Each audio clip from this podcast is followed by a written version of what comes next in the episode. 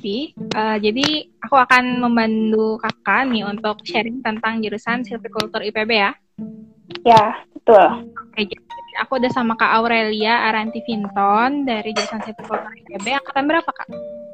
Aku angkatan 2016. Hmm, oke, okay, 2016. Lagi sibuk apa nih, Kak, sekarang? Hmm, ini abis baru aja sidang sih, jadi aku baru lulus. Hmm Iya. Terus lagi mau cari-cari kerja mungkin. Oke, selamat ya kalau udah sidang. Iya, terima kasih. Oke, uh, oke kak. Sekarang aku pengen nanya nih tentang jurusan silvicultur di IPB itu seperti apa sih kak? oke, halo kak. Uh, Saya kedengar? Iya, dengar. Ya. Oke, okay, kalau silvicultur itu sendiri ya, dia itu berada di bawah naungan Fakultas Kehutanan. Jadi di departemen eh, hmm. jadi jadi Fakultas Kehutanan ini punya empat departemen, ada manajemen hutan, hasil hutan, konservasi, sama silvicultur.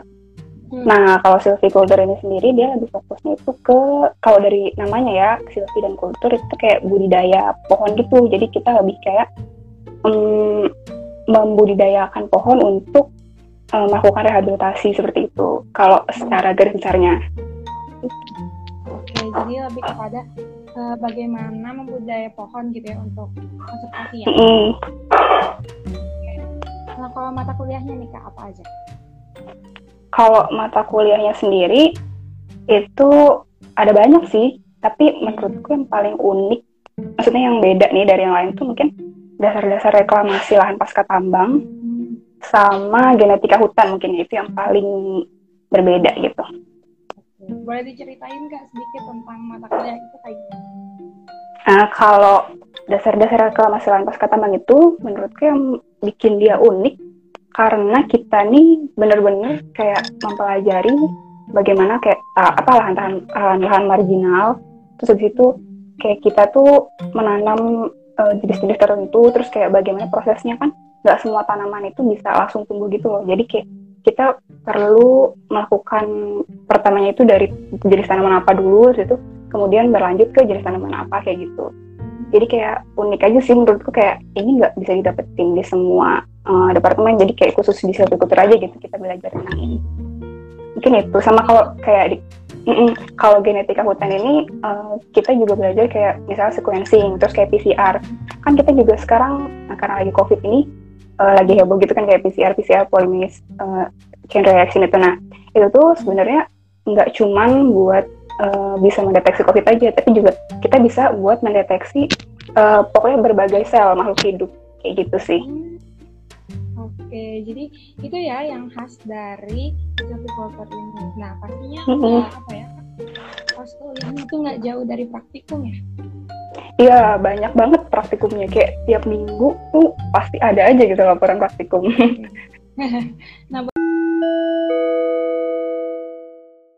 Halo Intipers! Sebelum lanjut mendengarkan podcast ini, kami dari intipkuliah.com punya info menarik untuk kalian siswa SMA sederajat. Ayo ikuti tryout online persiapan masuk perguruan tinggi secara berkala bareng Intip Kuliah. Selain itu, bagi kalian yang masih bingung pilih jurusan kuliah, bisa ikut psikotes dan konsultasi jurusan secara online bareng psikolog atau konselor di Intip Kuliah. Nah, untuk informasi lebih lanjut, kalian bisa chat WhatsApp kami di 0821 2222 0486 atau kunjungi website intipkuliah.com. Selamat mendengarkan kembali Intipers. Boleh diceritain Kak, kayak gimana gitu praktikumnya? Kalau praktikumnya sendiri itu karena banyak ya, jadi kan kita macam-macam. Kalau di semester 3, oh, eh, jadi gini, kalau di IPB itu kita semester 1 dan 2 itu kita masih tahap persiapan bersama. Uh, kalau uh, tahunku namanya PPKU. Nah, pokoknya uh, di PPKU itu kita belajar kayak pelajaran SMA lagi gitu loh, kayak diulang. Kayak ada matematika, fisika, kimia, biologi, pokoknya diulang. Nah, terus hmm. sampai di semester 3, kemudian kita udah masuk ke departemen. Nah, di departemen ini baru kita kayak belajar um, bidang kita masing-masing gitu. Nah, kalau di silviculture sendiri, itu semester 3 kita belajar uh, ada pelajaran namanya dendrologi. Kalau ini buat semua fakultas kehutanan, jadi uh, dari manajemen, konservasi, sama hasil hutan juga belajar. Nah, di dendrologi ini, kita belajar kayak lebih ke jenis-jenis pohon terus jenis-jenis daun kayak gitu jadi lebih ke daunnya kita belajarnya mungkin itu sih kalau praktikumnya sendiri menurutku pinter-pinter kita manage waktu aja sih jadi karena laporan ini banyak jadi kita perlu uh, mempersiapkan diri gitu biar nggak telat ngumpulin laporan mungkin kayak gitu oke yang paling berkesan nih kak praktikum apa praktikum paling berkesan mungkin reklamasi ya menurutku sih dasar-dasar hmm. reklamasi lahan pasca tambang itu yang paling berkesan. Soalnya di sana juga kita kayak bisa uh, dapetin bahan-bahan yang sebenarnya tuh mahal, tapi kayak hmm. Dapetin cuma-cuma. Terus kalau nggak gitu bisa di bisa dipakai uh, dengan pokoknya kita uh, kita create sendiri gitu dengan bahan-bahan yang lebih murah kayak gitu sih menurutku. Jadi itu yang bikin berkesannya ya dari sekian hmm. banyak praktikum dan pastinya banyak laporan praktikum ya. Itu ditulis tangan yeah. sih kak? Atau... Hmm, ada ada yang ditulis tangan, ada juga yang diketik tergantung oh. mata kuliahnya gitu sih. Beda-beda. Oke, jadi nggak jadi nggak semua ditulis tangan ya? Nggak ada yang diketik juga. Oke, nah terus kak ada konsentrasi nggak di jurusan ini? Konsentrasi mungkin ini ya, jadi tiap uh, mau masuk ke semester 6 pas kita hmm. udah mau tugas akhir itu kita dibagi hmm. jadi ada tiga uh, laboratorium jadi boleh laboratorium silvikultur ekologi hutan sama yang terakhir itu laboratorium hama dan penyakit. Jadi uh, di laboratorium ini ntar kita memilihnya itu sesuai dengan pilihan tugas akhir kita nanti gitu. Kalau silvikultur ini dia lebih kayak misalnya kita belajar ke kultur jaringan, ke genetik atau ke rehabilitasi pokoknya kayak gitu. Jadi kayak lebih ke individu tanamannya. Sementara kalau di laboratorium ekologi hutan itu kayak lebih ke um, ekologinya gitu. Jadi kayak kita misalnya melakukan analisis vegetasi gitu kayak membuat hmm. plot kayak gitu-gitu. Terus kalau yang terakhir yang laboratorium hama dan penyakit itu kita bisa juga um, lebih ke serangganya terus lebih kayak um, meneliti di laboratorium gitu. Jadi kayak di meneliti tentang jamur kayak gitu-gitu deh pokoknya. Terus uh, bisa juga kalau itu masuk ke laboratorium kebakaran hutan kalau yang hama dan penyakit ini. Hmm. perlindungan hutan namanya oke jadi uh, seputar kehutanan itu pasti jadi kajian ya di sini ya ya hmm. Nah, Kak, pasti uh, bidang apa ya? Bidang kajiannya tuh ke biologi gitu ya? Ya, kita lebih ke biologi. Uh, mungkin ya kalau kalau dari uh, departemen manajemen hutan sama hasil hutan dia juga belajar ke kimia sih. Tapi karena aku dari silvikultur jadi aku mm, lebihnya fokusnya ke biologi. Oke. Okay.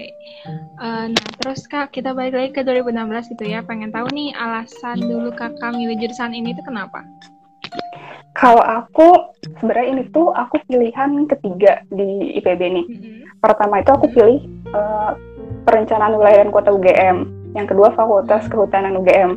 Tapi aku emang pengen masuknya ke kehutanan sih gitu karena karena sebenarnya ini agak-agak teoritis sih. Jadi aku hmm, kayak pengen melakukan um, suatu dampak gitu loh untuk lingkungan. Karena karena kan sekarang kita lihat kayak perubahan iklim semakin uh, pokoknya menjadi-jadi gitu kan tiap hari. Kayak semakin meninggi terus kayak uh, climate change terus itu global warming kayak gitu gitu makanya kayak aku pengen lebih fokus di bidang lingkungan kayak gitu supaya kayak bisa membuat suatu dampak untuk uh, lingkungan supaya lebih baik kayak gitu. Oke, jadi pengen berkontribusi ya untuk lingkungan ya, yeah. jadi alasan kakak ke masuk ke kehutanan gitu atau silvicultur IPB. Nah, setelah iya, kuliah yeah, dari dari gitu ya, kayak pasti banyak banget dong pengalaman yang udah didapat gitu ya, suka duka gitu ya di jurusan ini. Uh, nah, boleh ya, bagiin banyak tipsnya nih untuk para maba gitu. Mereka harus kayak gimana sih biar bisa survive di jurusan ini? Hmm, mungkin kalau menurutku sih lebih ke manajemen waktunya ya. Jadi kamu harus bisa ngebagi kapan waktu buat organisasi, terus kapan kamu harus mengerjakan laporan praktikum kayak gitu. Jangan jangan cuma fokusnya kalau misalnya kamu organisasi cuma organisasi aja gitu kayak uh, pelajaran kamu tinggalin tuh jangan kayak gitu jadi kayak kamu harus bisa membagi waktu kapan uh, buat organisasi kapan buat uh, ngerjain praktikum terus kapan kamu harus masuk kelas gitu jangan sampai karena organisasi kamu jadi nggak nggak masuk kelas gitu kayak kayak gitu okay. pokoknya Oke, harus bisa menyeimbangkan lah ya, kayak. Mm-mm, betul. Oke, nah kalau jalur masuknya sendiri kak di PB ini ada apa aja? Khususnya silviculture gitu. Hmm, sama kayak perguruan tinggi negeri lain sih. Kalau di silviculture ini kita bisa masuk lewat SNMPTN, SBMPTN, sama Mandiri. Setahuku kalau yang umum ya. Terus mungkin ada juga jalur BUD sama afirmasi. Cuman uh, aku kurang paham sih. Tapi uh, yang jelas juga ada beberapa temanku yang kayak dari daerah, misal kayak dari Aceh atau Papua kayak gitu. Maksudnya emang daerah-daerah yang agak jauh gitu dari uh, Jabodetabek itu mereka kayak ada jalur khusus BUD setahuku. Jadi kayak uh, dipilih gitu dari daerah. Oke, nah itu untuk informasinya bisa akses ke web mana kak? Iya, bisa langsung cek di webnya IPB langsung nih kayaknya. Informasinya terpusat di situ ya. Betul. Kalau seangkatannya nih kak, biasanya berapa orang kak penerimaannya? Kalau seangkatan tuh, kalau tahunku itu ada 80-an, 80-an orang. Hmm. Tapi kayak beda-beda sih, kayak tergantung jumlah pendaftar juga deh mungkin. Oke, jadi 80 orang lah sekitar ya kurang lebih. Mm-mm. Hmm, dan pasti eh, persaingannya ini lumayan nih karena yang terima kurang dari 100 ya. Ya lumayan. Oke. Nah, Kak, aku mau nanya lagi tentang prospek kerja dan alumni itu biasanya kerja di mana, Kak? kalau alumni sendiri, karena kita lulusan itu, kalau silviculture bukan lulusan sarjana silviculture, tapi kita lulusan sarjana kehutanan. Nah, kalau dari sarjana kehutanan sendiri, aku eh, melihat ya alumni-alumni itu tuh cukup banyak juga sih tersebar di beberapa lokasi gitu, nggak cuman kayak di swasta aja atau di pemerintahan, tapi ada juga yang di pemerintah. Jadi kita bisa jadi PNS ya udah pasti kalau itu. Terus uh, bisa juga kerja di eh, di perusahaan kayak misalnya di bagian sustainability-nya. Kalau di perusahaan terus di lembaga-lembaga uh, asing. Bisa, bisa bisa juga di LSM lembaga swadaya masyarakat. Kalau yang organisasi internasionalnya setahu tuh kita bisa di C4 di Center for International Forestry Research. Terus juga bisa di FAO kat, uh, alumni itu tuh angkatan belasan ada yang dia kerja di FAO sempat kerja di FAO terus sekarang dia sekarang udah dikerja di um, IRI pokoknya kayak uh, lembaga tentang padi gitu.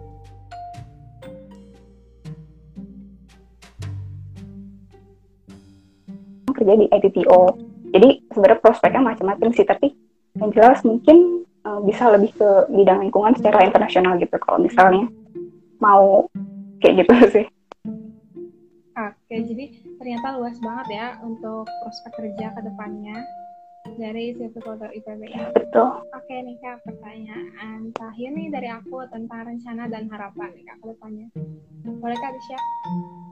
ya kalau rencana mungkin uh, setelah lulus ini aku pengen kerja dulu kali ya satu sampai dua tahun. Terus habis itu setelah itu lanjut studi. Uh, terus selagi lulus ini aku juga kayak um, lagi membangun komunitas gitu namanya Trihome Indonesia. Jadi di komunitas ini kita kayak um, lebih fokus ke bidang lingkungan. Terus juga um, kita membuka beberapa cabang di daerah. Ada di Jakarta Bogor Solo Padang dan juga Indramayu untuk saat ini gitu mungkin buat Kita- yang kepo-kepo bisa cek Hmm. at trihome.id Oke, itu komunitasnya untuk mahasiswa atau umum atau gimana? Boleh dijelasin? eh, Hmm, lebih detail kalau komunitas sendiri sekarang sih isinya mahasiswa tapi sebenarnya bisa buat umum juga jadi mungkin untuk ke depannya hmm, tapi target kita sebenarnya untuk ini sih untuk menyasar prospek mahasiswa tapi seandainya umum juga ada yang mau join juga boleh Oke, jadi mungkin teman-teman yang mau join gitu ya, boleh banget ya ke komunitasnya Kak Aurel ini. Tadi udah disebutin ya. Oke. Kak ini ada pertanyaan juga dari teman-teman yang nonton. Cari dulu.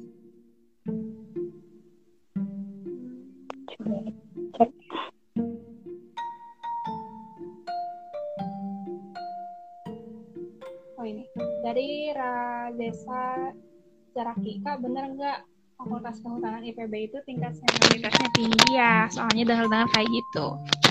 Boleh Kak dijawab?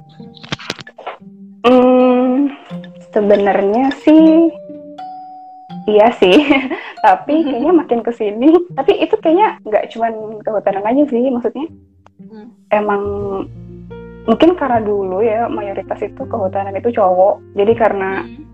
Uh, kalau cowok kan emang lebih keras gitu kan. Jadi sebenarnya nggak cuma kehutanan aja sih kayak fakultas teknik itu juga keras. Hmm. kalau dibilang senioritasnya tinggi ya iya sih bisa dibilang kayak gitu. Cuman karena makin ke sini makin perubahan zaman juga uh, udah nggak sekeras dulu lagi sih. Kayak tahun di bawahku ini juga udah nggak sekeras itu sih kalau aku lihat ya. Tapi emang kita harus ini uh, waktu itu tahunku kita mosnya itu ke kayak ke hutan gitu jadi ada namanya hutan Gunung Walat di Sukabumi hmm. Hmm. oke okay. dan itu jadi apa ya jadi tempat kita waktu kita untuk berproses dan pasti ke depannya malah jadi akrab gitu ya sama senior iya bisa sih oke okay. Terus ada pertanyaan lagi dari Silviti 30 Kak, kalau peluang kerjanya luas enggak? Tadi udah dijelasin lah ya, luas ya. Iya. Jadi jawabnya tadi. Nah, oke. Okay. Segitu kan mungkin pertanyaan uh, di live kita hari ini. Nah, untuk lain mungkin teman atau informasi tambahan dari kakak untuk teman-teman. Hmm, apalagi ya? Oh, mungkin aku pengen ini sih sekaligus kayak promosiin. Jadi kalau di kehutanan ini kita punya organisasi internasional juga namanya International Forestry Students Association. Jadi uh, ini IFSA atau yang tadi aku sebut itu deh, itu adalah organisasi mahasiswa kehutanan yang uh, lingkupnya itu secara internasional gitu, secara global. Jadi tiap tahunnya IFSA ada kegiatan tahunan, ada namanya Asia Pacific Regional Meeting itu untuk base-nya itu Asia Pasifik dan Oceania Asia ASEAN dan Oceania. Kalau uh, yang satunya lagi itu International Forestry Student Symposium atau IFSS. Itu biasanya lebih kayak internasional. Mungkin itu sih jadi kayak menurutku privilege kita bisa masuk ke kehutanan itu adalah salah satunya bisa um, punya teman mahasiswa hmm. yang juga gak cuma bisa di Indonesia tapi bisa di luar negeri juga. Gitu. Oke, keren banget ya ternyata ya. Jadi membuka relasi sampai ke luar negeri gitu ya. Mm. Oke, terima kasih nih Kak Aurel udah mau sharing dengan kita tentang pengalaman perkuliahannya. Iya, sama-sama. Informasi, terus uh, apa ya gambaran gitu untuk para calon tentang jurusan ini. Terima kasih ya, yeah. ya.